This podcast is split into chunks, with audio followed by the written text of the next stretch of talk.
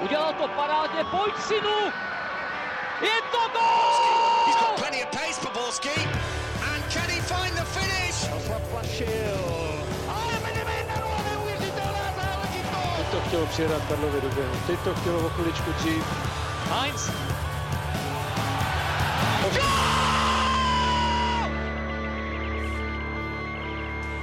Dobrý den. Jak jsme slíbili, tak také činíme. Anglický týden jede dál a my tady máme druhý ze tří slíbených dílů během jednoho týdne. Vítejte u Fotbal Focus podcastu. Od posledního vydání nám utekly jenom tři dny, ale ve fotbale se toho odehrálo opravdu hodně. V dnešním dílu se zaměříme na působení Plzně a Slávie v prvním utkání playoff Evropské ligy. A na oba týmy se podíváme taky v rámci jejich nedělního ligového duelu. No a nemůžeme opomenout ani dění v Lize mistrů. Na to všechno přímo z Plzně dorazil reportér ČT Sport David Kalous. Ahoj. Ahoj. Tradičně nechybí ani šéf magazínu Football Club Karel Herring. Ahoj. Ahoj. A je tu taky Pavel Jahoda z webu Sport.cz, který scénář na dnešní díl chystal dlouho do noci. Oběť.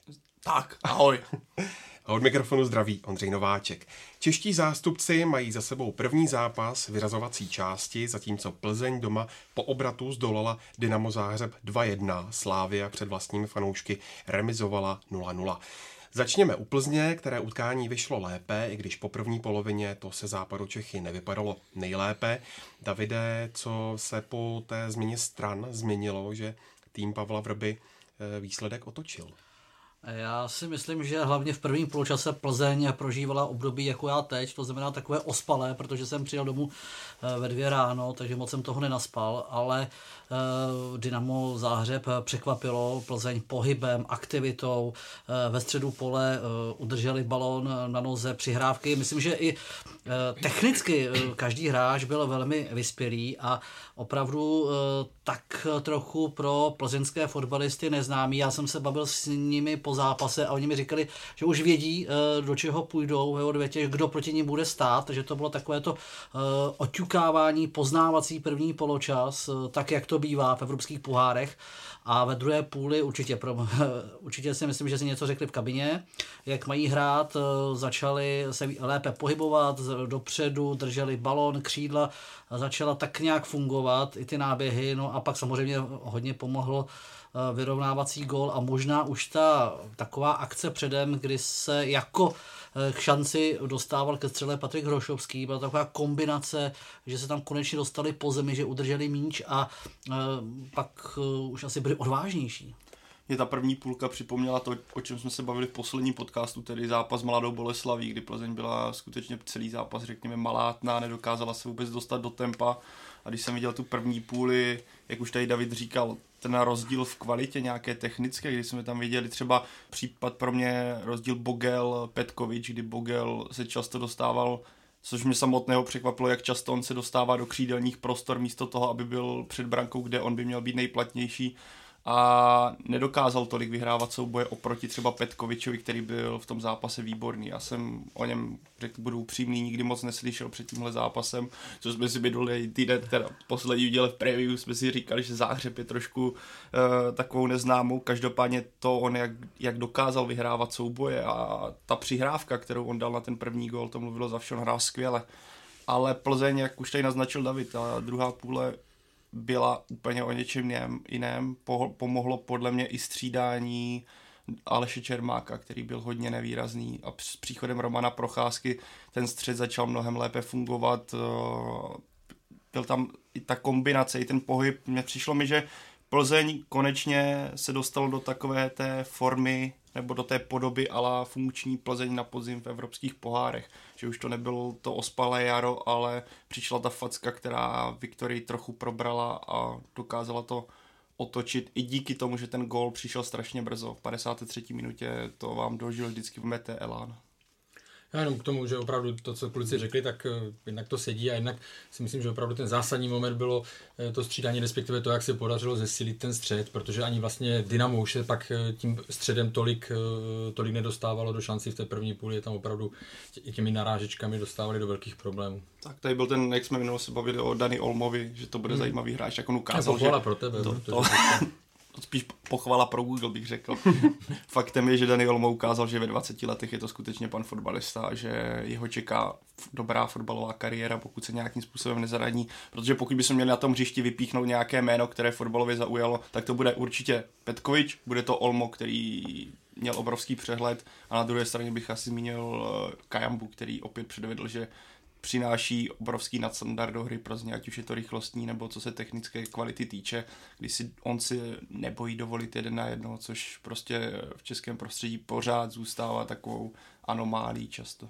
Já si myslím, že on pořád zůstává někde v té druhé lize, řekněme tou hlavou, že eh, není svázaný nějakou taktikou a tou důležitostí toho zápasu a že prostě ještě před rokem a půl byl v Opavě předtím v Pardubicích a že mu to hodně tohle to pomáhá a eh, i směrem dozadu eh, on fungoval v závěru zápasu, kdy už Plzeň, řekněme, držela vedení 2-1, tak on měl i dobré obrané zásahy a vracel se a pracoval hodně pro tým. Tak to mě jako překvapilo na takového, řekněme, ofenzivního hráče.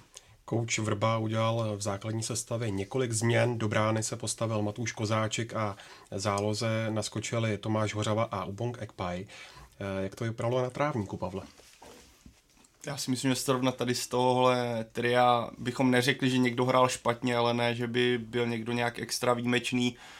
Do tohle by se dal i přidat právě Luděk Pernica, který v tom předchozím zápase sice odehrál víceméně celý zápas, ale také začínal na střídačce a myslím, že na, tenhle, na tohle utkání on dlouho nezapomene, možná nejlepší duel jeho v kariéře, protože takové náběhy od stopera, ať už na ten první gol, nebo jak se ocitl na, dru- na zadní tyči při t- po tom rohu při té druhé brance, to jsem budu upřímný, už dlouho neviděl takhle, že v plzeňském dresu, že by byl někde takhle úspěšný v tomhle směru, co se obránce týče. Takže ano, změny OK, ale výraznější to bylo u Pernici a pokud bychom měli vypíchnout někoho, kdo do té sestavy zasahl, tak už tady byl ten zmíněný Procházka, který hodně tomu středu pomohla. Ta hra od té doby vypadala úplně jinak. Viděli jsme, Karle, v tom druhém poločase zase tu evropskou viktorii, na kterou jsme v úvozovkách zvyklí. A vidí za tím obratem eh, hlavně to využití jejich zkušeností z minulosti? Tak o těch zkušenostech se vždycky uh, mluví, že ono je to takový abstraktní pojem. Uh, já jsem se díval, nebo špatně se to nějakým způsobem dává na papír, já jsem se díval jenom právě na, na, na statistiky. Když jsem si porovnal sestavu základní s uh, AS Řím, poslední vlastně zápas na podzim a tady tu, tak samozřejmě došlo ke změnám na šesti pozicích, což už tak je osobně, o sobě samo o sobě hodně a když jsem spočítal starty těch 11 hráčů, tak tam byl rozdíl asi 120 pohárových startů. Jo. Takže i proto jsem si v té první půli právě říkal, proč to takhle Viktorce e, nefunguje jako, jako obvykle v pohárech a byl to jeden z těch důvodů, jo, protože vlastně Kajamba Bogel, první starty v Evropě, Ekpa jich má málo, Pernica, Pernica jich má málo, takže tam se to možná tam se tohle možná projevilo, tak jak říkal David, oni si pak na to zvykli, ten poločas si osahali a pak hráli už mnohem, mnohem sebevědoměji, mnohem vyzráleji, i když si myslím pořád, že nějaké ty ty zkušenosti, nebo že ten, ty změny, ty změny, vlastně, které bylo celkem dost v porovnání s podzimem, se tam projevily. Vy osobně jste věřili, že to Plzeň otočí, Davide? No, já jsem moc nevěřil, že to Plzeň otočí. To se přiznám po tom prvním poločase, když jsem viděl, jak sebevědomý, nadšený je to soupeř a jak Plzeň přistoupila k první půli, tak Uh, jsem si říkal, no, chybí jim ty tři káčka, Kremenčí, Kopic a uh, Kolář, což je ofenzivní síla um, s těmi zkušenostmi a uh, samozřejmě je tam, řekněme, nová ofenziva, která si na sebe zvykala, už jsme o tom mluvili o Bogelovi, který by potřeboval mít ještě jednoho Bogela vedle sebe asi, mm, jednoho do vápna, ty zbíral pro ty balony, ale, ale moc jsem tomu nevěřil, no, to jako se přiznám. No. Jako ta první půle já když to řeknu uh, odlehčeně, tak já jsem po 8, 7, nějakých 8 minutách uh, jsem si dal, uh, jsem si rychle dal dvojku, jenom tak ze srandy, jo, protože mi přišlo, že, že toto Dynamo zvládá, zvládne velmi dobře.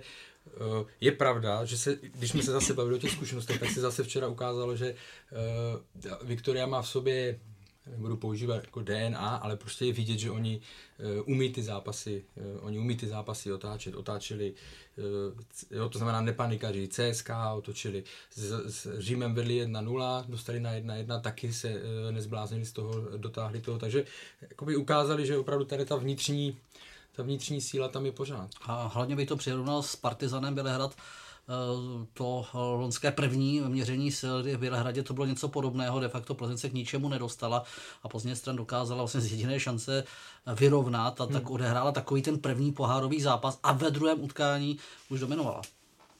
Plzeň doma vyhrála osmý zápas v Evropské lize za sebou. Dá se říci, Karle, v čem tkví kouzlo domácího prostředí? Já myslím si, že jsou to eh, ty faktory, které už tady, eh, které už tady zazněly. Eh, nějaká sebedůvěra, nebudu říkat, já nevím, domácí prostředí jako bouřivá atmosféra. Jo. Ona, ta Viktorka má jako specifickou atmosféru. Oni v podstatě se to nemění, už roky je to, jede to jako, že se fandí, ale není to něco takového, jo, co, není to těch 10 minut, 15 minut závěrečných, co je třeba vytvořit, co je schopná vytvořit tribuna uh, Sever na Slávii, jo, takže, takže nemyslím si, že by to bylo nějakým divokým, eh, divokým prostředím, ale zase je to opravdu ta sebedůvěra. Oni samozřejmě doma si věří, jsou ofenzivní. Já jsem se díval na těch, těch 8 zápasů, 21 gólů, střelených 6, 6, 6 inkasovaných. A zase ještě jedna věc, tak jak jsme se bavili, že umí obracet, ve spoustě těch zápasů se to nevyvíjelo od začátku pro ně dobře, bylo to s Lárnakou, bylo to s Berševou, dokázali, eh, dokázali na to vždycky zareagovat, takže tam ta vnitřní, vnitřní síla jejich v tom hraje velkou, velkou roli v těch pohárech, když se bavit tak on ten domácí stadion,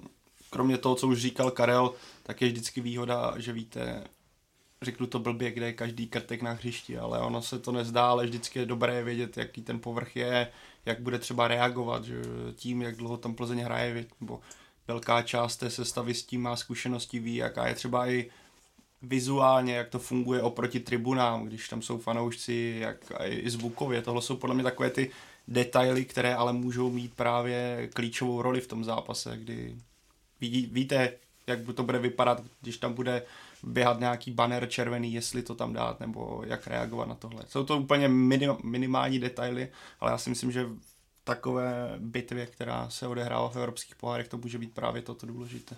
A pro fanoušci, jak Davide vypadali vůbec eh, chorvačtí fanoušci ve štruncových sadech Eh, házeli hrazení na, na policejní koně. Co se tam dělo?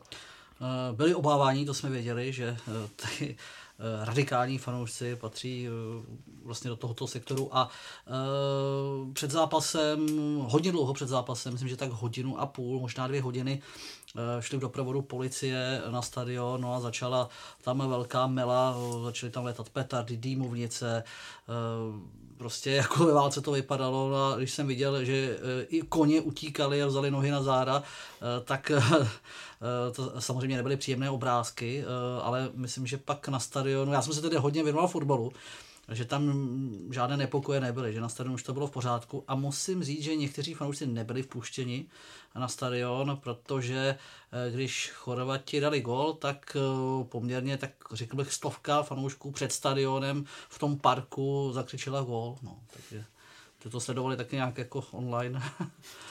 na mobilech. Na mobilech. Když se podíváme na odvetu, tak nepříjemností pro Viktorii je určitě vykartování Romana Hubníka. Eh, kdo by ho, Pavle, mohl nahradit podle tebe? Tohle je dost velká zásadní rána pro Plzeň, protože když se podíváme, že Lukáš Hejda ještě 14 dní nebude hrát, tak tam už chybí, řekněme, takový ten typický stoper, s kterým Plzeň prostě počítá čistě na pozici no, středního obránce, protože to sám trenér Vrba, tuším v rozhovoru s Davidem tady zmiňoval jména, jako je Procházka, teďka nevím, kdo tam koho zmiňoval dalšího, Limberskýho, a ještě by tam šel asi řezník na tyhle pozici hrát. Ten je ale ten, ten se vrací po dlouhé no, době. Ale jako čistě teoreticky by tam hrát mohl. Faktem je, že asi žádný z nich není adekvátní náhradou za Romana Hubníka, který je kapitán a řekněme tím centrálním mozkem té defenzivy, takže tohle pro mě je obrovský zásah do té obrany, o které vždycky si říkáme, že skvělé, když drží nějaký, nějakou dobu pospolu a vzniká tam jistá chemie. A v tomhle případě zrovna on je takovou tou stěžejní postavou, která drží tu obranu pospolu, navíc když někdo vypadne, řekněme Lukáš Hejda nebo Luděk Pernica, OK, ale Roman Hubník je prostě Roman Hubník, kapitán, který ten tým vede na hřišti i v kabině. Takže tohle je pro mě velký otazník eh, do té odvety, jak to Plzeň zvládne, protože jestli tam je nějaký problém, nebo vidím nějaký problém v té odvetě, tak je to právě bod stopera. Já si myslím, že třeba by bylo dobré, kdyby Roman Hubník jel s týmem, eh, na tu odvetu byl součástí mužstva a by mohl třeba před zápasem nebo o se do kabiny. To je taková jenom věc, že kapitán, když je s nimi a má co říct, to je jenom tak jako vsuvka tohle. No. Jako, tak, jak jste se uh, bavili ta jména, já za téhle situaci si myslím, že tam bude David Limberský a to z několika důvodů, že uh, Jan Kovařík na té levé straně uh, funguje dobře a trenér ví, že druhá varianta je procházka, ale myslím si, že právě i ten druhý poločas ukázal, že uh, trenér Vrba, že by ho chtěl mít spíš uh, ve středu té zálohy, takže se tam asi posune uh, David Limberský, ale když si vzpomeneme, Eh, vlastně zápas eh, se Sportingem od Veta eh, domácí, tak tam Viktorka taky hrála, protože jsem se díval kdy naposledy bez Romana Hubníka a tam hrála se stoperskou dvojicí Řezník Hájek. Jo. To znamená, taky tam nebyli daleko od pohody, řekněme, nebo od ideální sestavy a zvládli to vyhráli 2-0 a vlastně šlo se do prodloužení, že jo, tam už to, tam už to nezvládli, takže jako, není to úplně je to takhle, je to samozřejmě velká ztráta, protože chybí oba dva e, základní stopeři ale, a navíc se hraje venku, že? takže to ztráta to je, ale dá se to, tak jak ukázali před rokem, dá se to nějakým způsobem zvládnout. Když to vezmeme s tím Sportingem, tak uh, proti Sportingu Plzeň musela hlavně útočit, teďka bude Plzeň spíš, asi se dá očekávat, že bránit. Takže uvi, ale jak říká Karel, tak no, David Limberský je velmi zkušený hráč, který ukázal, že na stoperu hrát umí. Takže ono, když to bude takhle fungovat, tak to může být. Neříkal bych, že když chybí Roman Hubník, tak ta obrana nebude vůbec fungovat. Ale no, zásah to je obrovský. Je to zásah obrovský. No navíc se to nedá nějakým způsobem vyzkoušet, třeba v nějakém modelovém zápase, protože teď je o víkendu Slávia, že jo, vyhecovaný zápas, nebo s někým slabším třeba na pár minut, jo, tak eh, jenom v tréninku, tak to je taky komplikace, no, tohleto. A i s přihlednutím eh, k této změně, jaký fotbal za týden očekáváte, jak, eh, jak ty šance jsou položené? No, jaký fotbal? Já si myslím, že se to, že Dynamo se bude prezentovat fotbalem z první půle. Si myslím, to znamená hodně, zase tam bude hodně e, kombinací, oni jsou silní na balónu, vím, že to je kliše, ale prostě stadion v zádech je pro ně strašně důležitý. Bude vyprodáno, bude vyprodáno takže já, a atmosféru víme, jakou. Neříkám, že se Plzeň z toho složí, protože bavíme se pořád o tom, kolik už toho odehrála v Evropě, ale, ale očekávám, očekávám opravdu výkon, který na úrovni té první půle nebo ještě lepší od Dynama a bude pak strašně záležet na Plzni, jak, jak se k tomu, jak, jakým způsobem to zvládne vzadu a jak bude využívat uh, ty své šance nějaké do breaku, protože gol bude muset zřejmě vstřelit. Já si myslím, že třeba by mohl nastoupit i Hajrovič, který nemohl nastoupit v tom prvním zápase, což je křídlo. A mm, já jsem se bavil tak nějak před utkáním ten den Eh, s jednou novinářkou z chorvatské televize, která se mě taky ptala na Plzeň, já jí na ten chorvatský tým a ona eh, říkala, eh, tady panuje nadšení, pícha, hrdost toho, že konečně Dynamo je po dlouhé době v té vyřazovací fázi, že hlavní slovo tam má trenér, že všichni jdou za trenérem, všichni mu věří, tak si myslím, že to je něco jako když Plzeň začínala v evropských pohárech, něco podobného, takový ten boom, a že jí ale zase mm, tomu Dynamu chybí Eh, zkušenosti z velkých zápasů, eh, těch rozhodujících, protože eh, chorvatská liga není tak silná. Oni tam vedou opárník o 14 bodů, tuším. Hmm. A řekněme ten další takový ten známý tým, když řekneme chorvatský fotbal, Hajduk Split, je až šestý. A de facto každý dobrý fotbalista chorvatský je hned prodaný jako ven. Nebo do Dynama. Jako Dynama. Ale hlavně, hlavně, hlavně oni, oni měli velké, jako velký štěstí, že je potkala ta skupina Evropské ligy na podzim, kdy Fenerbahce totálně z formy, eh, mám pocit, že bojuje o záchranu v turecké lize, eh, Trnava to víme, jak, jakým způsobem už to odehrála, Anderlecht, jo, takže eh, postoupili, OK, fajn, dostali jenom tři góly, ale ona říká, že má obavy z toho, že právě to, kde se to bude lámat, že ty velké zápasy, jako třeba Plzeň absolvuje v lize mistrů pravidelně a hlavně v české lize, že Sparta, tady je tady Slávia, tak že tady toho je víc. No, ono, tak, no, ono bude určitě, myslím, že ten zápas bude mnohem otevřenější, nebo minimálně zadu, jak říkal Karel. Viděli jsme, jak nastoupilo Dynamo v Plzni. Myslím, že doma bude Dynamo v tomhle ještě agresivnější, protože teďka jsou ty karty rozdané, teďka ty týmy ví, co je potřeba pro to, aby mohli postoupit. Myslím, že bude hodně důležité bude v tomhle udržet co nejvíc nulu, nebo co nejdéle nulu, protože jak už tady bylo naznačeno, Dynamo nemá tu zkušenost s těmi, s těmi evropskými poháry.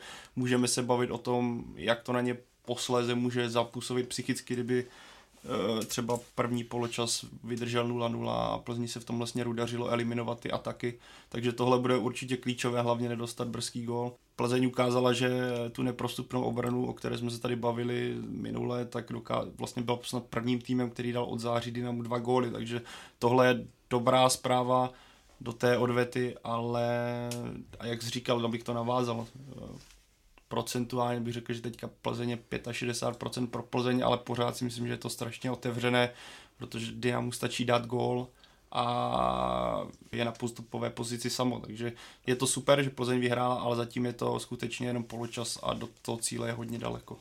Jaký vliv, eh, dáli se to říct, by na to utkání mohl mít eh, výsledek eh, z toho nedělního šlágru ze Sláví?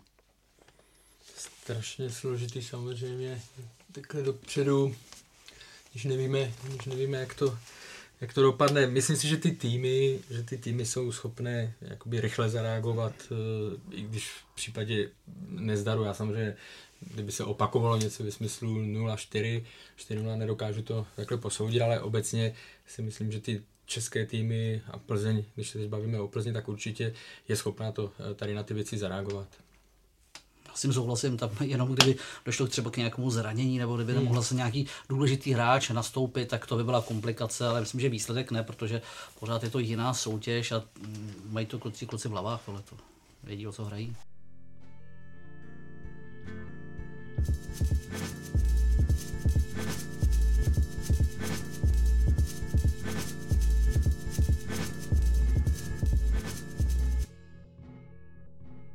Tak se pojďme posunout k utkání Slávě s Chenkem. Trenér Jindřich Trpišovský předpovídal před zápasem, eh, že utkání bude místo gólových hodů spíše připomínat taktickou bitvu s Kodaní. Tak eh, Karle, potvrdilo se to? Tak sice výsledek 0-0 eh, by napovídal tomu, že to mohla být v první řadě taktická bitva, nicméně jsme to viděli, že první poločas byl, řekněme opatrnější, ale ve druhém se hrál krásný fotbal eh, nahoru dolů. Vlastně v televizi už se mluvilo o tom, jestli eh, by se Slávia neměla sklidit tu hru a tak dále. Byl to krásný fotbal, šance byly, takže si nemyslím, že by, eh, že by to, byly ta, že by to byla taktická bitva. Samozřejmě, Slávia v pohárech víme, že je na tu, Slávia má celkově dobrou kvalitní defenzivu a v, té, v těch pohárech je na to ještě víc zaměřená.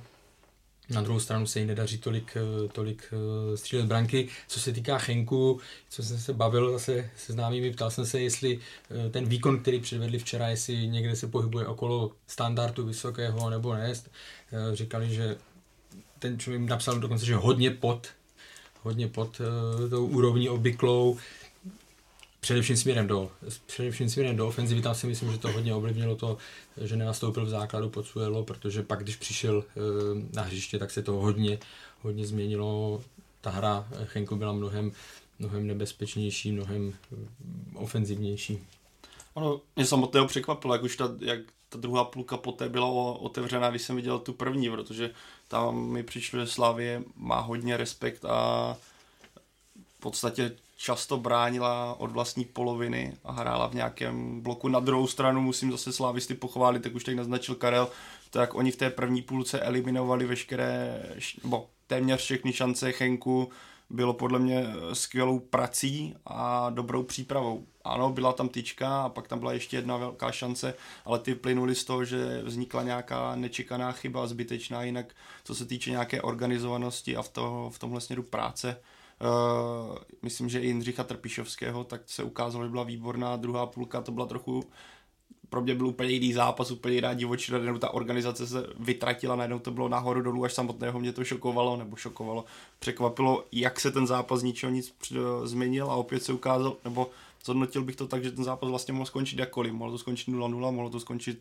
klidně 3-3 a pokud se podívám do statistik, Slávě měla víc šancí, ale tutovky měl Chen, který myslím, že Slávě a slavističí fanoušci, kteří nadávali Ondřej Kolářovi za to, že to není kolman pro, pro Slávy, nebo někteří ze slavistických fanoušků nebylo to zase tak ojedinělé, protože na Twitteru nebo na sociálních sítích a v ohlasech na podzim tak tentokrát ukázal, že umí pořád chytat velké zápasy, protože uh, tam měl dva vele důležité zákroky na Slávii, ale vidět, že ta finálovka nebo ta koncovka prostě úplně dokonalá není. Ano, chybí tam štěstíčko, pověstné, klišoidní, ale to, to prostě tam, to slovo k tomu fotbalu vždycky bude patřit, ale faktem je nějaký větší klid v zakončení, který provází Slávy, nebo tenhle problém provází Slávy vlastně celou uh, touto sezónou Evropské ligy, kdy šance si dokáže vytvářet, ale to řešení zatím není ideální. A on o tom mluvil Jindřich Trpišovský sám před zápasem, že může rozhodnout nebo rozhodne produktivita a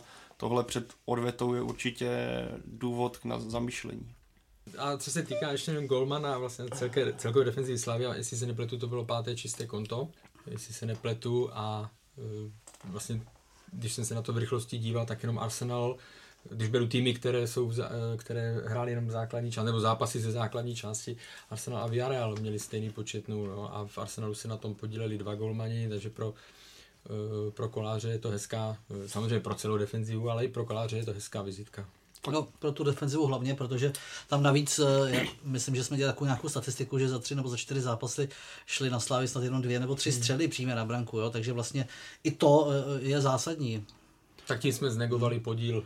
Ne, já jsem ale, ale Jindřich Trpišovský po zápase mluvil o tom, že ho těšilo, že Slávě se Chenku vlastně dokázala vyrovnat snad kromě občas prvního doteku a technické stránky, což si myslím, že se dá naprosto podepsat, protože i dokonce bych řekl, jak, jak tady mluvil Karel o Pocuelovi, já si myslím, že on kdyby hrál od začátku ale že už on nastoupil k, k unavenějšímu Chenku zatím, protože když jsme viděli sl- konec zápasu, tak Slávě mi přišla, že má daleko větší fyzický fond a i díky střídáním, které proběhly a ke kterým se asi dostaneme teďka, tak dokázala Chenk přitlačit. Je škoda, že tam ten jeden gol nepadl, ale myslím, že ten výsledek je ve finále zasloužený. Karle nenaznačilo to, že by možná byla lepší cesta pro odvetu vsadit eh, spíš eh, místo Škody na Mika van Burena s Petrem Olejankou, který nahradil Jaromíra Zmrhala? No já navážu na Pavla, který to zmiňoval z pohledu Pocuela, když už nastoupil proti unavenějším, nebo už do rozehraného zápasu proti trošičku unavenějšímu e, týmu. Vždycky je strašný rozdíl, jestli to ty hráči, kteří vejdou v 60. v 70. minutě a jsou strašně vidět, jestli jsou schopni takový výkon zopakovat nebo navázat na něj, když budou v základu, když jsou všichni, když jsou všichni čerství. To znamená, když eh, Milan Škoda tam eh, postoupí mraky soubojů, unaví ty obránce, pak je to pro ty další samozřejmě jednodušší. No. Takže já si myslím, že v nejbližších době pořád ještě zůstane uh, Milan Škoda. Je pravda, že je pravda, že aspoň jedna z těch šancí Viděl ani nebyly jako jednoduché, to zase musím říct, že to nebylo pro ně, jako že by se netrefil ze dvou metrů do, do prázdné bránky, byly to náběhy hezké k první tyče, ale střílel z první, takže to nebylo úplně, nebyly to snadné situace tak, aby jsme mohli uh, ho tady hánět, že selhal nebo, nebo, nebo takhle. Si myslím, že spíš otázka je nad Jaromírem Zmrhalem, který už v tom prvním zápase v Lize nepředvedl podle mě přesvědčivý výkon a ani teďka to nebylo z jeho strany dobré. On je, řekněme, nevýrazný hodně teďka zatím v těch zápasech a omlouvám se posluchačům, kteří jsou z klubu. No, teď si Prince Jaromíra, ale, ale prostě Jaro z jeho pohledu zatím Jaro. podle mě není přesvědčivý. A myslím si, že s tím, jaký je na tu pozici tlak na lavičce Slávie, tak si myslím, že by si klidně na jeden zápas mohl sednout, protože uh, Olajinka naznačila, že může alternovat určitě adekvátně, ne lépe to stejný Mick van Buren, takže pro mě zatím zmrhal v tomhle směru trochu zklamání jara. Neprosadil se ani na druhé straně obávaným Vana Samata, Pavle, čím se dařilo Slávy eliminovat toho obávaného střelce. Co jsi řekl, co jsi řekl tak pěkně, Ondro. Tak kdyby si zlámal jazyk, ale řekl jsi to pěkně samozřejmě. To tě pochválím. Děkuji. A abych se dostal k tvé otázce, já už jsem to naznačil v tom v té první části. Podle mě Slávě na něj byla výborně připravená a věděla, co od něj může čekat. Stopeři věděli, kam se CCA bude pohybovat. Jindřich Trpišovský sám na každý zápas dělá postivou videoanalýzu a myslím, že hráčům tloukl do hlavy, proč právě tenhle útočník je tak skvělý a proč mu padá, proč dává gól za gólem. A tohle bylo podle mě to, co rozhodlo o tom, že on se do, tolik do té mezihry nebo vůbec tolik do hry nedostával. Ano, nakonec tam měl, jestli se nepletu, tak to byl on, kdo měl tu tutovku, ale když teda obrana si vzal slabou chvilku, tak je podržel právě brankář Kolář, ale obecně, kdybych to vzal jako celek, tak si myslím, že to byla kvalitní práce obrany, která se na něj skvěle připravila. Do odvety v Chenku nebude moci zasáhnout Michel Gade, který dostal žlutou kartu. Davide, jak velká to je ztráta pro Slávy? No, si myslím, že velká, ale zase není tak uh, plně citelná, jako když jsme mluvili o Plzni, uh, protože uh, samozřejmě tady se rozbourá ta velká zeď vzadu, když nebude Gadeu, ale Slávia má kam sáhnout, má tam více alternativ za něj, tak samozřejmě ztráta ano, ale myslím, že Slávia to vyřeší tohleto. Minule jsme tu spekulovali o tom, jak bude fungovat souhra Miroslava Stocha s Petrem Ševčíkem. Jak se ti líbili, Karle? Tak jednak si nemyslím, že by oni neměli nějak si na hřišti uh, rozumět, nebo protože tak jsou to i jiné uh, typy, řekl. No a včera byl viditelnější určitě uh, Miroslav Stoch, měl tam dobré momenty, hodně v prvním poločase zejména na ně bylo hodně, hodně faulů, takže, takže získával standardní situace. Měl tam pár situací, kdy to mohl řešit lépe, ale mně se, se, celkově, mně se celkově líbil. Petr Ševčík začal řekněme, líp, pak se taky postupně vytrácel, nebo postupně vytrácel Nebylo to už ono. Já si myslím, že i on potřebuje, byť, byť ta jeho adaptace probíhá velmi rychle eh, a trenér Trpišovský si to eh, pochvaluje, tak eh, i on bude potřebovat trošičku času. Navíc tohle byl zápas zase, na který on tolik zvyklý není, protože on taky má pár startů jenom v Evropě, takže ale mm, nevidím nějaký důvod k tomu, aby se, mm, že by nemohli spolupracovat na hřišti tyčka Milana Škody vycházela z akce, kdy oni dva si přihráli, předvedli tam rychlou kombinaci na jeden, dva doteky a v tomhle momentě pro mě oni naznačili to, že když opomeneme zápas s Henkem, byl specifický, byl to soupeř, který možná ani v Česku takhle, eh, v České lize takový není, který by hrál tímhle stylem, který je podobný Slávy, co se útoku, útočení týče. Takže uvidíme, jaké to bude hrát proti, řekněme, nějakému průměrnějšímu českému celku. Faktem je, že jak oni chcou oba balón, jak oni jsou běhaví, tak pro tu hru Slávě to může být obrovský benefit. A tady ty dílčí momenty z toho zápasu s Henkem to podle mě naznačili, že až si sednou, až se sehrají úplně, tak to může být obrovská síla, na které Slávě může těžit. Z které může těžit, na které jde stavět. Výsledek 0-0 do odvety. Tak eh, pro koho je to, Davide, lepší a komu víc věříš? Tak je to pohárová matematika 0-0. Eh, mluvili jsme tady o tom, že Slávě má problémy se střílením gólů, musí zlepšit produktivitu, ale nevím, jestli to půjde tak, že takhle luskném prstem a ono to půjde. Hodně si myslím, že naznačí v tomhle případě i zápas v Plzni. Eh, protože eh, samozřejmě je to těžký zápas a eh, když se to, když to bude lepit tam v Plzni, tak si myslím, že se to přenese tohleto do dalšího zápasu. Ale mm, Belgičané doma jsou silní, mm, už ukázali v prvním zápase, podle toho sestřihu, co jsem viděl, neviděl jsem celý zápas, to se přiznám, jak už bylo řečeno, byl jsem v Plzni. No 0-0, no to je, to je výsledek Slávia hlavně musí eh, letět, ona letí už úterý, eh, do, do Belgie s tím, že tam chce uspět, chce být velkým klubem, chce hrát Evropu a nemůže mít to myšlení takové to, no zkusíme to, uvidíme, musí být přesvědčená o tom, samozřejmě respekt soupeře, ale musí věřit v to od samého začátku, že uspěje ve své síly. A budeme držet palce, snad se to podaří.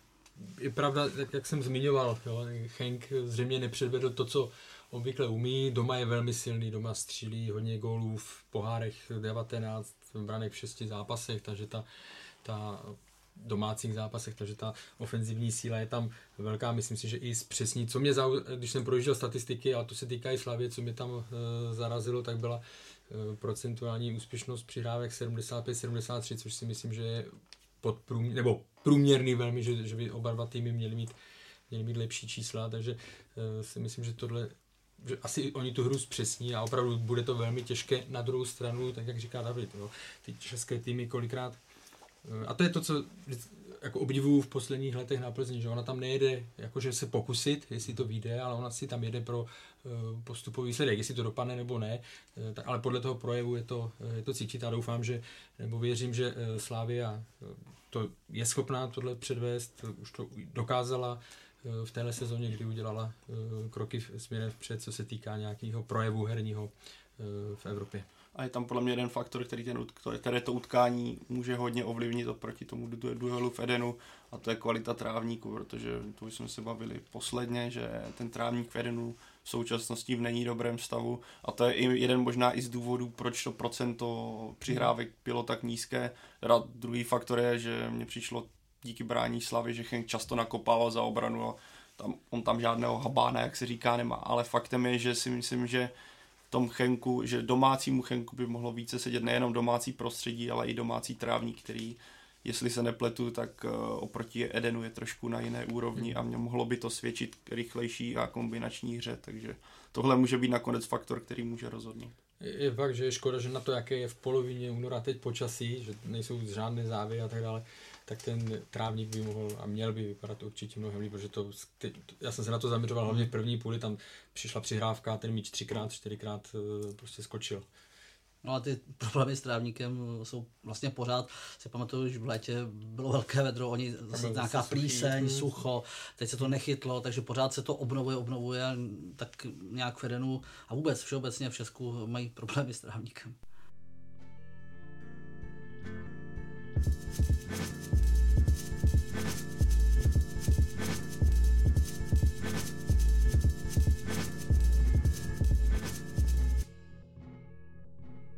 Tak eh, u Plzně se sláví ještě zůstaňme, jelikož v neděli oba čeká vzájemný duel ve šlágru eh, víkendového kola a ten zápas může hodně napovědět v boji o titul. Evropskou ligu už jsme probrali, ale Pavle, jak ty výsledky mohou ovlivnit eh, rozpoložení a psychiku obou týmů před tím vzájemným duelem a který tým je na tom v současnosti podle tebe v tomhle směru lépe? Tak jestli bych řekl, že to někomu může pomoci, tak to může pomoci spíš Plzni než Slávy. A, ale to nechci říct, že Slávy by na tom byla špatně. Já si naopak myslím, že pokud bychom měli brát psychickou stránku věci, tak na tom bude líp v současnosti Slávě. Stále, protože vede ligu, navíc zvýšila svůj náskok, takže jít čistě teoreticky může pro ně být luxusní i remíza. Faktem je, že ten, ten výsledek sám o sobě v té evropské lize pro Plzeň může být takovým tím budíčkem a vzpruhou poté, jak se jí nepovedl ten start do sezóny a jak se jí nepovedl ten první poločas. Takže je to takové, jak Pavel Vrba říkal, že mluvil v poločase trošku více nahlas, tak eh, tohle si myslím, že je takové přesně takový alarm pro Plzeň, že takhle ne, že pokud budou chtít proti Slávy uspět, tak to musí být výkon podobný, ne lepší tomu, který byl v druhém poločasu protože ten pokud by následoval výkon z prvního poločasu, tak si myslím, že to v případě Slávě může být klidně víc než 0-1 eh, a ty dva poslední zápasy, které vlastně Slávě z Plzní hráli, to naplno, naplno ukázali. Eh, jak čekáte, že budou vypadat sestavy? Zmíní se tam toho hodně od těch čtvrtečních duelů. Já si myslím, že nějaké změny určitě budou, ale nebudou ty změny vedené k tomu, že eh, se tady hrál pohár a bude se hrát pohár. Já si myslím, že to bude věc jenom taktická eh, vůči soupeři. Možná v Plzni třeba Roman Procházka, že bude hrát od začátku. Limberský se, Limberský se samozřejmě vrací. Uvidíme, jak na tom třeba bude, jestli bude hrát Ekpaj, jestli náhodou Milan Petržela. Jo, těžko, těžko takhle to předvídat, jaké tahy má samozřejmě Pavel Vrba nebo Jindřich Trpišovský. Eh, mluvili jsme tady o Zmrhalovi, hm, Olajinka, místo něj. Eh, v Lize by mohl hrát Mick van Buren. Jo. Jak se ti pozdával Karle Hušbauer? Tak eh, nedokážu, nebo nemyslím si, že to byl nějaký, eh, nějaký průšvih, on tam vytvořil několik, eh, myslím, že dva momenty právě pro, pro Milana Škodu tam vytvořil, takže já vím, že na něj jsou taky eh, rozdělené názory, jestli do toho systému ještě patří nebo ne, ale on, on vždycky právě tady to umí ukázat tady ty svoje chvíle, tady ty momenty, kdy, kdy vytvoří tu šanci, ale co se týká těch změn, tak já bych navázal na Davida, tam vlastně podle mě Viktorka moc změn tolik ani dělat nemůže, protože Protože když jsme si dívali včera na její lavičku, tak ona tam měla sice že jo, šest hráčů, ale tři z nich byli útočníci. Jo, tam byl Kepl, Chorý, Bakoš. A pak ona už vlastně do obrany, do obrany tam moc změn dělat nemůže, kromě toho, že se teda vrátí že se vrátí Limberský. David Limberský.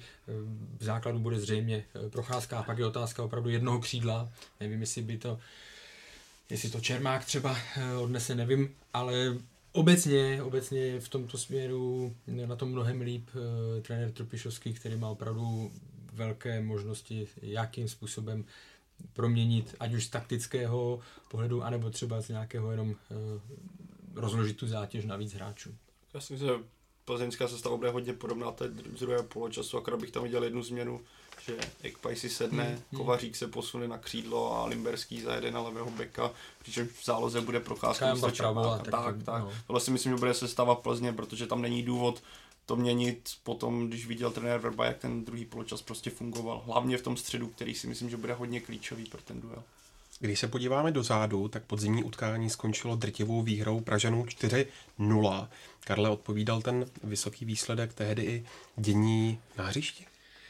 Tak, eh, že když si na ten zápas vzpomeneme, tak uh, tam to rozhodla červená karta pro Romana Hubníka a penalta. Vlastně Slavia zvýšila na 2-0 a hrála zbytek zápasu proti, proti deseti, takže to hodně ovlivnilo, ale když si vzpomenu na ten zápas jako celkově, pro mě on symbolizoval Slávy v současné sezóně a Plzeň. To znamená, Slávia do toho vlítla naprosto e, naplno, připravená, koncentrovaná, agresivní, dozadu, dopředu, rychle. A Plzeň na to, jak velký zápas se hrál, tak prostě přišla taková, e, přišla taková vlažná. A to je to, o čem se bavíme celou, e, celou dobu. Proč, když se snažíme hledat vysvětlení pro ty výkyvy, proč ta hra není tak, jak by měla vypadat a tak dále. Jo. Takže tohle byl pro mě takový ten hlavní, hlavní výstup eh, z toho, z toho zápasu.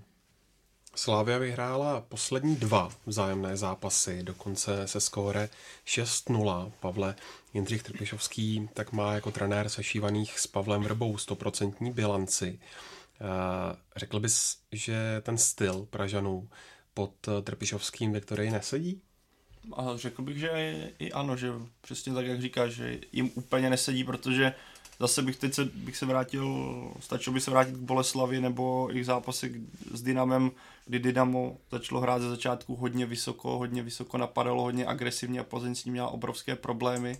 Ono už se to ukázalo několikrát v minulosti a i v tom zápase eh, v těch posledních dvou duelech, kdy hrála Slávě z Plzní, ať už to byl ten zmíněný, eh, co teď Karel o něm mluvil 4-0, nebo to první měření sil pod Jindřichem Trpíšovským za, v závěru sezóny, kdy Plzeň mohla slavit na Slávy, tehdy titul, ale Slávě předvedla skvělý výkon. Byl to takové jako, řekl bych, přiblížení, nebo tehdy to byla vlastně trochu ukázka toho totálního fotbalu, o kterém tehdy Jindřich Trpišovský asi neplánovaně, kterým vyvolal tu velkou vlnu. Faktem je, že tehdy Slávě skutečně hrála výborně dopředu, běhavý fotbal, přímočarý fotbal a agresivní a Plzeň s tím měla obrovské problémy. A já si myslím, že tohle je jeden z důvodů, proč se Slávy proti Plzni pod Trpišovským daří. Tím stylem fotbalu, takže ano, myslím, že je to celkem problém a jsem zvědavý, jak k tomu Plzeň přistoupí, protože uh, jestli by navázala na ty dvě předchozí vystoupení proti Slávy, tak to může dopadnout opět špatně pro ně. Naposledy jako host uspěla Viktorka v Dubnu 2014. Eh, Davida, proč je vlastní stadion, už jsme zase u něj, eh, v těchto zápasech takovou výhodou? No mluvili jsme o tom teď, eh, proč eh, vlastně Slávia uspěla mm, naposledy dvakrát proti, eh, proti Plzni doma, ale zase nesmíme zapomenout, že Plzeň hraje dobře doma se Sláví, kdy tam Slávia naposledy vyhrála.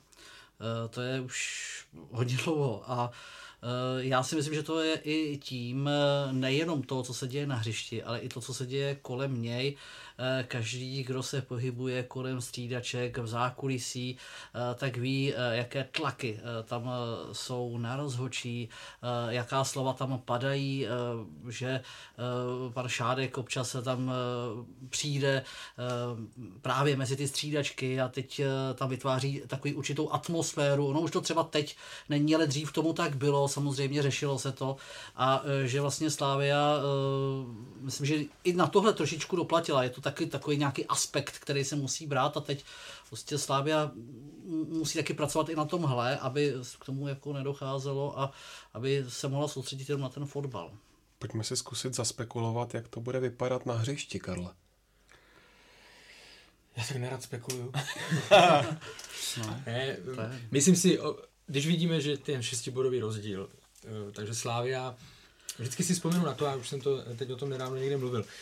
Když Plzeň, ale to bývaly čtyři kola do konce, jela na Spartu a měla polštář tři, čtyř bodů, tak tam měla ve velkém, jako ne že pohodě, ale věděla přesně, co chce hrát. Počkala si, počkala si na tu Spartu a pak ji potrestala. A myslím si, že třeba, byť jsme, jsme ve dvou třetinách eh, sezóny nebo tohle, tak eh, a ještě rozhodnuto není, ale ta Slávia tam opravdu nemusí jet a hrát se do něčeho. Bude to muset být Plzeň, která potřebuje těch, těch šest bodů stáhnout. To znamená, neříkám, že Slávia bude hrát uh, defenzivně, ona bude hrát tu svoji hru, která ale už v sobě má to, že velmi dobře jí funguje, funguje obrana. Takže si myslím, že Slávia se nebude uh, potřebovat uh, nikam hrát. A teď je to právě otázka, jak k tomu Plzeň přistoupit i třeba z pohledu toho, jestli se jí vyrovná v té agresivitě, o které, o které my mluvíme. Jo.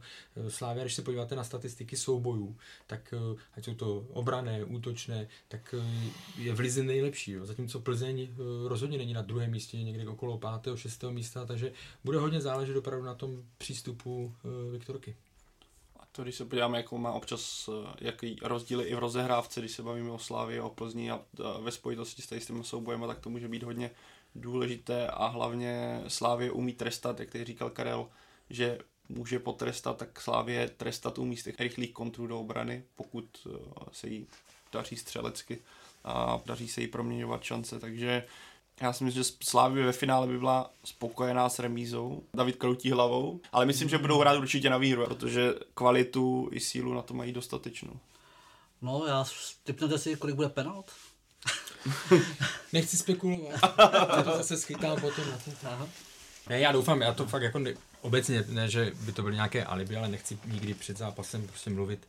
Uh, mluvit do rozhodčích mm. samozřejmě, uh, bude to velmi sledovaný zase duel, uh, je tam video, takže v tom prvním zápase vlastně tam víme, že naštěstí video Eh, zařídilo to, že se opravdu ty penalty, které byly, tak se odpískaly, protože jinak by se to řešilo ještě eh, mnohem víc. Tak doufejme, doufejme, že to proběhne bez, v tomto směru bez nějakých excesů. A mě by nepřekvapilo, by tam nějaká penalta byla. Ono, ono to být, s tím, jaký ten ale... styl hry hej, oba týmy praktikují, jak to bude vypjaté utkání, on, mě by samotného překvapilo, kdyby penalta nebyla, protože vidíme to, Slávě teďka drží nějakou sérii penalt, které vychází z té hry, kterou praktikuje Plzeň, mm, je tak bude potřebovat hrát Eh, vůbec by mě to nepřekvapilo, by tam nějaká penalta byla. Já, já si ještě jenom e, pamatuju vždycky, když jsem jezdíval do Plzně, když jsem ještě dělal ve sportu, že, tak jsem tam jezdíval celkem často a vzpomínám si, že jakmile tam byl nějaký takový velký zápas, tak já jsem cestou do Plzně jsem si říkal, hlavně, ať není zase nějaká penalta jako diskutabilní, jo, o které se, která zabije celý zápas a bude se řešit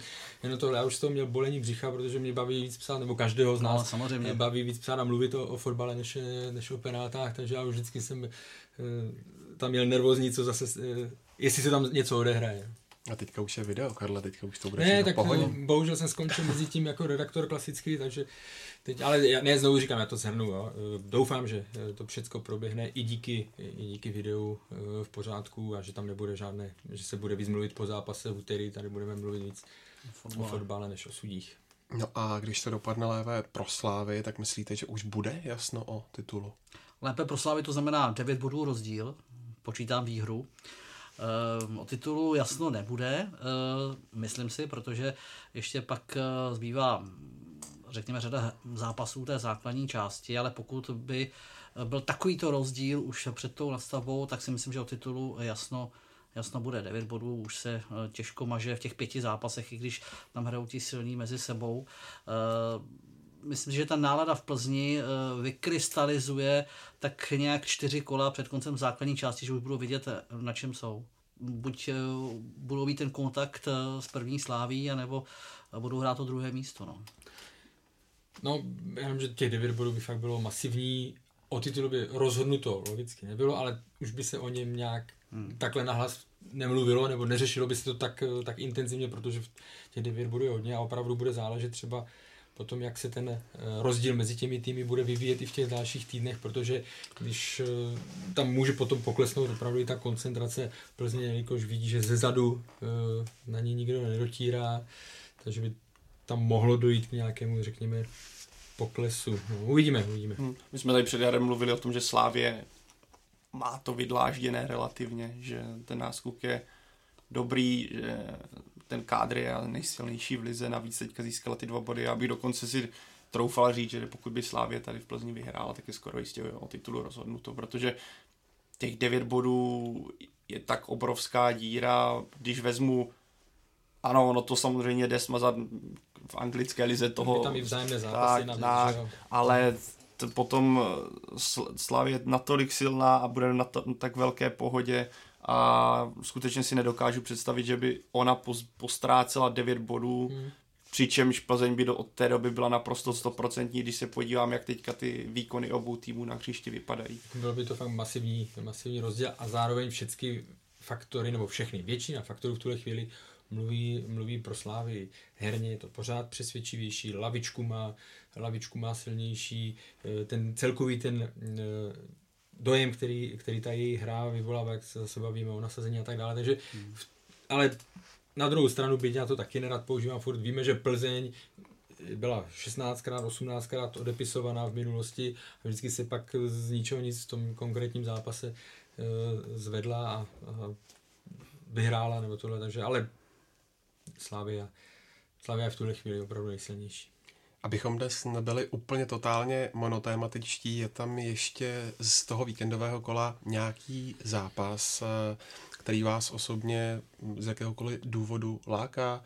Teplice, Boleslav. Baník, Liberec, Dukla, Sparta. No, já jsem teď, jak jsem byl sem, tak jsem mluvil s jedním kamarádem a říkám, jako jsem si rozděloval zápasy, které musím z nějakých důvodů pracovních vidět a mimo jiné příbram Příbram Zlín, tak jsem si říkal, komu jsem co udělal. Nic proti Příbramu a Zlínu, ale úplně se na to, řekněme, netěším, třeba mě to vyvede Takový, ten, z a, takový to zase, co tě může jenom příjemně překvapit. No, tak víme, že zase v zápasech Příbramy padá hodně, hodně gólů. No tak zajímavé samozřejmě bude v pondělí, eh, v pondělí derby. Dukla Sparta, Dukla Sparta. A těším se teda, těším se na Baník, Baník, Baník s Libercem, protože to si no. myslím, že jako Vidíme, jestli Liberec jakým způsobem Eh, jak říkal trenér Caplár eh, po utkání Liberec Příbram, takového na tak lehkého soupeře už, nebo špatného soupeře už Liberec nenarazí v sezóně, nebo s tak špatnou defenzivou, takže jsem zvědavý na, na tady ten zápas určitě.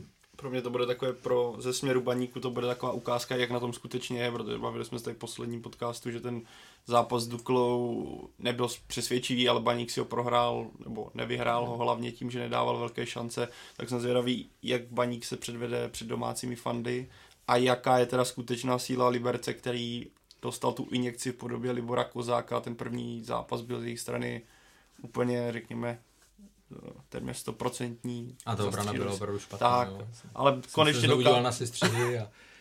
a no ten gol, že ti do toho teďka skočí, ten gol, já nevím, kdo ho dal, za, myslím, nečas, jak prošel skoro přes celé hřiště. pešek, pešek. Pešek, tak, pešek. přešel přes no, celé no, tam hřiště. čtyři hráči, pořád dosledovali, pořád dosledovali. To jsem jako dlouho neviděl, ale Až ho dosledovali a on vystřelil a byl gol. A já si myslím, že ještě jeden zápas jako ne, že bych se na něj vyloženě těšil, ale co mě zajímá, zajímá to samozřejmě fanoušky, je Bohemka, která hraje doma. A ta, Salamoucí, ta Salamoucí a, a Bohemka vyhrála doma jenom jeden zápas v prvním kole, od té doby nic. Olomouc, jo, čtvrtý pokus, eh, trenér Jílek, takže tam je tak no, dost no, taky trošičku. A ono je zápas vlastně Teplice Boleslav, tam jsem zvědavý, protože viděli jsme Teplice, jak skvěle hráli na Slávy, viděli jsme Boleslav, jak skvěle hrála z Plzní, teď oba ty týmy jdou proti sobě, jsou tam někde na hraně kolem svých pozic, Nikolaj Komličenko proti Teplicím, které skvěle brání.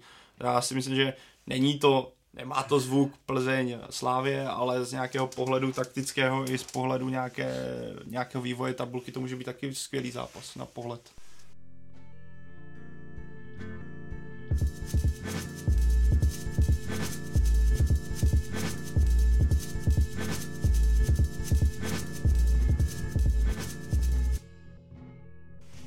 Tak jo, Evropskou ligu jsme probrali, domácí taky, ještě se pojďme podívat do Ligy mistrů, kde odstartovalo osmi finále. Asi největší pozornost směřovala na úterní utkání mezi Manchesterem United a e, Paris Saint-Germain. Mírným favoritem nakonec bylo vinou e, absencí u hostů Manchester, ale z výhry 2-0 se nakonec radovali Parížané. Tak Pavle, čím toho dosáhli? Já si myslím, že to byla výhra Tomase Tuchela nad Ole Gunnarem Solskjaerem, protože já jsem osobně jsem si po dlouhé, po dlouhé době zase jednou vsadil a zase jsem pochopil, že vsázet nemám. Ne, nebudu říkat za kolik, jo. To to. Rozbil jsem prasátko jednou a myslím, že kluci z nejmenované společnosti mohli jít večer v pohodě na pivo za mé peníze. Faktem je, že Tuchel ten svůj tým naprosto skvěle připravil. Mu se povedl jeden zásadní věc a to je vymazání Pola Pogby, který byl který je pro hru Manchesteru v současnosti klíčový. Taky to ukázal v podstatě od té doby, co Solskjaer nastoupil, tak Pogba má fantastické čísla. Teďka úplně nedokážu říct, jaké letos zhruba 8, 8 gólů, 5 asistencí, něco takového. Klíčová postava a Tuchel na něj nasadil Marquinhose, který odvedl fantastickou práci v tom středu hřiště. Pogba se vůbec nedostával do hry, skončilo to tím, že navíc dostal červenou kartu, takže nenastoupí ani do odvety. A Tuchel celkově tím taktickým pojetím a taktickou přípravou svého týmu Marko Veráty na středu hřiště podal fantastický výkon. A mluvilo se o tom, já to vlastně byl důvod, proč jsem si na Manchester vsadil, chyběl Neymar, chyběl Cavani, tedy dvě výrazné útočné hvězdy, No, ale paradoxně mi to přišlo, že ten tým najednou podal mnohem týmovější výkon, organizovanější, nebyly tam takové ty, což mě minulý rok, když si vzpomenu na zápas s Realem, což mě strašně vadilo na PSG a na Neymarovi obecně, v některých zápasech i na Brazílii, že situaci, kdy si to může narazit a udělat akci řeší individuálně. A na to si myslím, že oni dojížděli. Teďka se naopak ukázalo, že třeba Angel Di Maria který byl extrémně motivovaný proti fanouškům, kteří ho tam celý zápas uráželi, házeli po něm, co se dalo, tak podal fantastický výkon. A celý v podstatě PSG, které se hodně se mluví o tom, jak je to tým individualit, tak teďka podal takový ten skvělý týmový výkon a myslím, že o postupujícím tomu směru rozhodnuto. A Mbappé ještě, že? Tak, a Mbappé, Mbappé trošku. No, no. Ale jako, že to máš pravdu, že to byl velmi kolektivní výkon a zároveň tam jsou pořád ty rozdílové tak. individuality, které na druhé straně nebyly.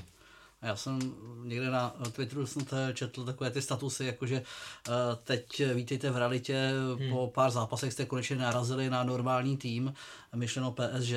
A myslím, že Tomas Tuchel rozehrál taky takovou tu dobrou hru. Uh, četl jsem jeho vyjádření před zápasem, že není Neymar tak dobrý, ale není Cavani, nemáme variantu B a teď navíc nemáme ani variantu C. A tak nějak to postavil trošičku do jiné roviny. I tohle to, že vlastně uh, pak nakonec pro že to byla výhoda, jak už uh, bylo řečeno, lepší pohyb, všechno uh, ty akce byly jako daleko v, ve větší rychlosti a byl tam ten fotbal a fotbalem vlastně přehráli Manchester. Takže Tuchel pak nachytali Pavla Jahodu. Tak, to mě, myslím, že jsem ale nebyl sám, co jsem, tak, co, jsem, co jsem tak slyšel, nebyl jsem rozhodně sám, koho nachytal, ale pro Manchester taky tam bylo smůla, že vám odpadnou dva hráči ze základní sestavy, Martial, Lingard, v podstatě hmm. také klíčové postavy útočné fáze. Trošku mě překvapilo, myslím, že i Solskjaer, ze strany Solskjaera to byla chyba, že nasadil místo Lingarda nebo místo Martial, to je jedno, nasadil Juana Matu. Já si myslím, že měl naskočit Lukaku a Rashford měl jít do křídla, protože potom Juan Mata je strašně sympatický fotbalista s geniální vizí, dobrou technikou, ale ta rychlost, která, kterou PSG dokázalo produkovat, tak to už není jeho kafe navíc na straně, kde byl ještě Ashley Young, také hráč, který je skvělý, ale už to nejlepší má za sebou. No a navíc eh, trošku mě překvapilo, že ten Manchester si nevytvořil takovou tu vyloženou jakoby gólovku eh, v tom zápase a eh, že ta síla toho mužstva se úplně neprojevila. Říkal jsem si přeci jenom, dobře, tak Solskjaer, jeho tým vyhrává zápasy v pohárech, v Premier League, myslím tím FA Cup a když s Barnley to bylo 0-2, on dokázali tou silou nějakým způsobem zaspomínat na ty devadesátky a, a, a nějak srovnat těch posledních minutách, tak jsem říkal, že to, že to nebude takový rozdíl z PSG a nakonec eh, tam podle mě to byl rozdíl, velký rozdíl. Hře. Jak velká komplikace, Karle, to je pro Solskjaerovo další působení klubu?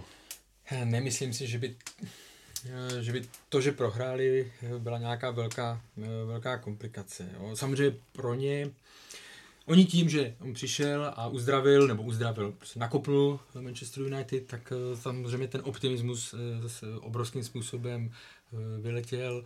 V rámci, jak jsme se tady bavili, umocněné tím, že v Paříži nebude, nebo za Paříže nebude hrát Neymar, Cavani, takže se opravdu najednou začalo mluvit o tom, že jsou to možná oni, kdo jsou favorité, ale zase jo, Manchester United se uzdravil v tuhle chvíli, zatím musíme říct krátkodobého. Tím, jak to, co je známo, Solskjaer změnil úplně atmosféru, která byla strašně negativní, eh, teď je to mnohem lepší, dal ty hráče na ty pozice, ať už je to Pogba nebo, nebo Rashford, které jim vyhovují mnohem více, ale zároveň nesmíme zapomenout na to, že když se podíváme na uh, Paris Saint-Germain a podíváme se na United uh, za poslední sezóny, tak ty kádry nebo ta kvalita, tak tam ten rozdíl je. Jo ať dopadne United, jestli skončí čtvrtí eh, nebo ne, tak stejně budou muset eh, posilovat eh, defenzivu. Tam prostě defenzivu na úrovni top klubů nemají. Takže nemluvil bych o tom, jestli splaskla bublina nebo ne, jestli si tím ublíží v, případ, v případě v dalším jednání o prodloužení toho, toho angažmá. Ono to samo o sobě bude opravdu těžké, těžké rozhodování provedení, protože, protože se tým bude, pokud uhraje čtvrté místo, tak se jim bude špatně hledat jiná varianta, než je eh, Solskjaer i z pohledu, i z pohledu eh, fanoušků, kteří ho eh, zbožňují a, zřejmě, a je vidět, že i ten tým jde za ním před Vánoci ještě kde byli, že jo, a teď jsou to čtyřce na jednou z ničeho nic, takže to si myslím, že i pro ty fanoušky oni to vnímají. Samozřejmě Liga mistrů je tady, ale Premier League je vnímána také nějakým způsobem a, a když najednou vlastně z ničeho oni jsou v té čtveřici těch nejlepších klubů, eh, samozřejmě eh, pak eh, je tam oborový rozdíl, ale tohle je taky důležitá věc, být v top čtyřce a bude to těžké rozhodování. No. Je to ještě první porážka. Pardon. A, a oni ještě přijdou ty těžké zápasy, podle kterých se bude dát hodnotit. Přijde derby Manchesteru, přijde, teďka je vlastně zás z Liverpoolem, to jsou tak... Je, čel, je pohár vlastně z Chelsea, pak, je, pak bude derby, eh, derby s Liverpoolem a, a odvěta, takže oni, tak. oni je čeká opravdu teďka těžké, nebo únor tak. pravdy, řekněme. Ono, když to trošku nadsazeně řeknu, tak před Vánocemi z Ligy mistrů víceméně vypadly teďka, protože tehdy to bylo jasné, teďka vypadly s, s nadějí v krvi pro fanoušky i sázející a takže, nebo na 99% vypadli, protože ne, nevěřím, že by PSG předvedla to, co předvedl dva roky zpátky s Barcelonou, kdy vybouchlo na Barceloně, teď hraje doma. Oni snad za celou sezónu prohráli doma jen s Ginkampem v poháru a si dali asi party před tím zápasem, nebo nevím, co tam dělali, ale tohle myslím rozhodnutý zápas. No, penalty snad. No, nebo tak nějak, no. že nebyli schopni dát gól. Dalším utkání AS Řím doma zdolal Porto. Myslíte, že se začínají římané zvedat z popela? Tak eh, po té demolici, kterou schytali na Fiorentíně 7-1, tak už po několikátém byl trenér Di Francesco na hraně, řekněme, vyhazovu. Ale přijde mi trošku až překvapující, jak se dokázal od té doby Řím zvednout. Zase musíme vzít potaz to, že od té doby narazil na AC Milan, s tím remizoval, to je samozřejmě zvučné jméno, ale už to taky není ten klub, který, který bychom opěvovali, jak to bylo pár let zpátky. Řím porazil Kijevo 3-0 a teďka zvládl zápas s Portem, ale tady je v podstatě důležité zmínit, že Portu chyběly dvě klíčové postavy v útoku a teďka si je nevybavím, takže se na to omlouvám, ale faktem je, že chyběl nejlepší střelec Porta v lize mistrů, i tuším domácí soutěži, který ale bude chybět i v odvetě a mexický křídelník, který je druhý nejlepší střelec v lize mistr Porta. Takže tohle byly výrazné faktory, proč ten zápas třeba vypadal tak, jak vypadal, ale určitě je to mnohem živější projev, je to mnohem nějaký kompaktnější projev. Myslím, že kdo fandí AS Řím, tak může být teďka mnohem spokojenější, než když viděl tu, ten debakl 7-1, kdy ta obrana Římanů hořela jak papír, jestli jsme se tady bavili o nějakých potížích obraně u jistých týmů, tak tohle bylo dokonce vzorová, jo, to bylo o příbramy, tak tohle bylo něco podobného, to byl neuvěřitelný průchodák.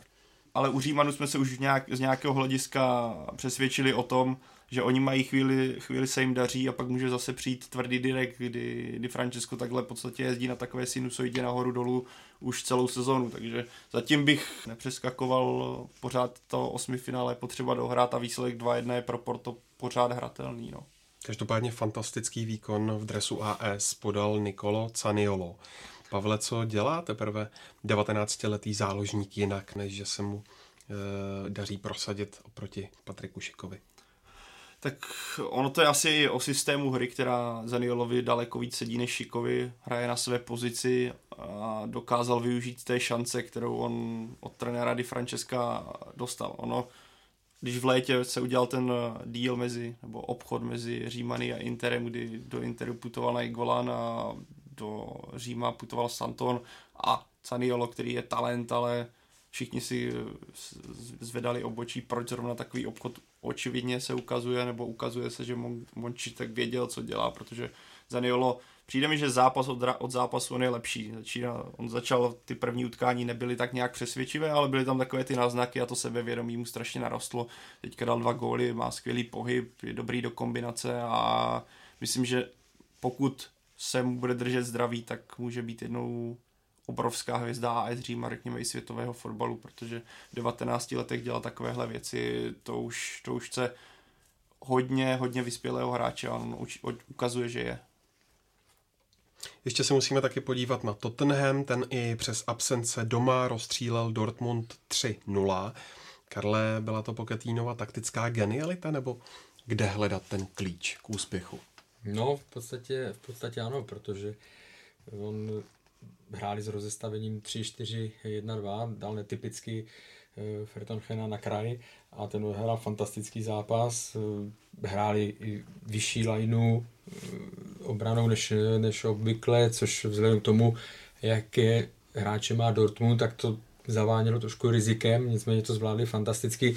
Jenom mi to potvrdilo to, jakou uh, skvělou práci opravdu Početino odvádí v, v Tottenhamu. Jo. Protože samozřejmě vždycky klopitnou třeba v nějakém opravdu tom vel, velkém zápase myšleno nevím, v derby, nebo, nebo se nedostanou do, uh, do finále poháru a pak se řekne zase Spursy, jo, že, že prostě umírají tradičním pod vrcholem, ale trošku se zapomíná na to, že on v porovnání s těmi ostatními týmy pracuje s jiným, řekněme, rozpočtem, s jiným, s jiným kádrem, tím nemyslím, že je špatný, ale on dokáže prostě z toho kádru, který má, tak dokáže vyždímat téměř, téměř 100% a e, vezmeme si, že Harry Kane, Harry Kane je zraněný, Dele je zraněný a oni to přesto uh, dokázali tady ty zápasy, nejenom teď v Lize mistrů, dokázali zvládat výborně, takže pro mě, pro mě je to, to, co on předvádí s Tottenhamem, uh, tak je pro mě naprosto vynikající, vynikající práce a jde to opravdu z velké části za ním.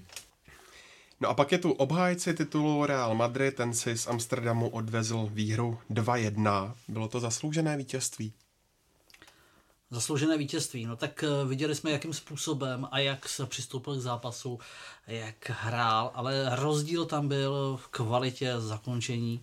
Karim Benzema prostě dostane eh, jednu kouli a uklidí to a, uh, a jak si vypracoval čtyři velké šance a vlastně z toho dal jeden gól, který nakonec tak uznaný nebyl, pak o nic snížil, ale jako říkám, že tam byl rozdíl mezi, mezi kvalitou těch útočníků. Já jsem, jak je ten pojem totální fotbal, tak jestli je někdo vzorem, tak je to Ajax v současnosti, protože ta první půlka ze strany Ajaxu byla fantastická. Oni jak, jak oni hrají v tempu, v rychlosti, jak dokáží skvěle napadat i Real, který je vlastně trojnásobný obhájce titulu a dostal se do teďka do skvělé formy, tak měl obrovské problémy s tím, jak Ajax hrál, často nakopávala, ta první půlka hmm. byla vlastně ze strany Realu, byl ten druhý, který vlastně sledoval to, co předvede Ajax, který předvádí moderní způsob hry. A v té druhé půlce si myslím, že zaprvé Ajaxu trošku došlo, protože to je extrémně náročný fotbal. Navíc Real asi se trochu i přizpůsobil té hře a ta, ta přechodová fáze i rozehrávka začala být mnohem lepší a ukázalo se podle mě, že ta, ta zkušenost, o které jsme se bavili třeba v bodě Plzně, tak se ukázala i zkušenost z, ze strany Realu, který dokázal ty šance, které si vytvořil, nebo ten, ty rychlé kontry, které předvedl do obrany Ajaxu využít a využil ty, řekněme, drobné chyby, nebo ty chyby, ty, kterých nebylo mnoho ze strany Ajaxu, ale které byly a Real je dokázal trestat. Na druhou stranu pro mě to byl náznak toho, že Ajax v té odvetě klidně může Real poslat ze soutěže domů, že to je pořád otevřené otkání, i když prohráli doma. Když se podíváme na začátek sezóny a na Real nyní, eh, jak to vidíte s jeho šancí na případný titul? Tak já to vezmu stručně, jenom jsou větší samozřejmě, protože když si vzpomeneme na trápení podzimní, eh, tak eh, ten tým se výrazně zlepšil, je to vidět i v Lize, neříkám, že je přímo teďka v zpátky v boji o titul, pořád je tam nějaký rozestup, ale už je to samozřejmě mnohem, mnohem menší a uh, ta jeho forma je. Uh, určitě lepší. Na druhou stranu si pořád myslím, že jsou tam týmy, které úplně v těch, v těch závěrečných kolech nebo až na, na ně narazí Real Madrid, tak si myslím, že letos to, nebo v této sezóně to neobhájí. Takhle, stát se to vždycky může, hmm. třeba to, že Real třikrát v řadě obhájil, mě samotného překvapilo, faktem je, že pro mě jsou tam favoriti v případě třeba Manchesteru City, který se opět dostal do fantastické formy a mm, a nevím, prostě můžeme zmínit Barcelonu, Liverpool, i to PSG, které zvládne možná, nebo z největší pravděpodobností to kritické osmi finále, takže vidím tam třeba týmy, které je, u nich je pravděpodobnější, že to vyhrají, ale viděli, viděli jsme, co Real dokáže v Lize mistrů. Pro, jestli někdo je v tomhle mistr, tak to je Real.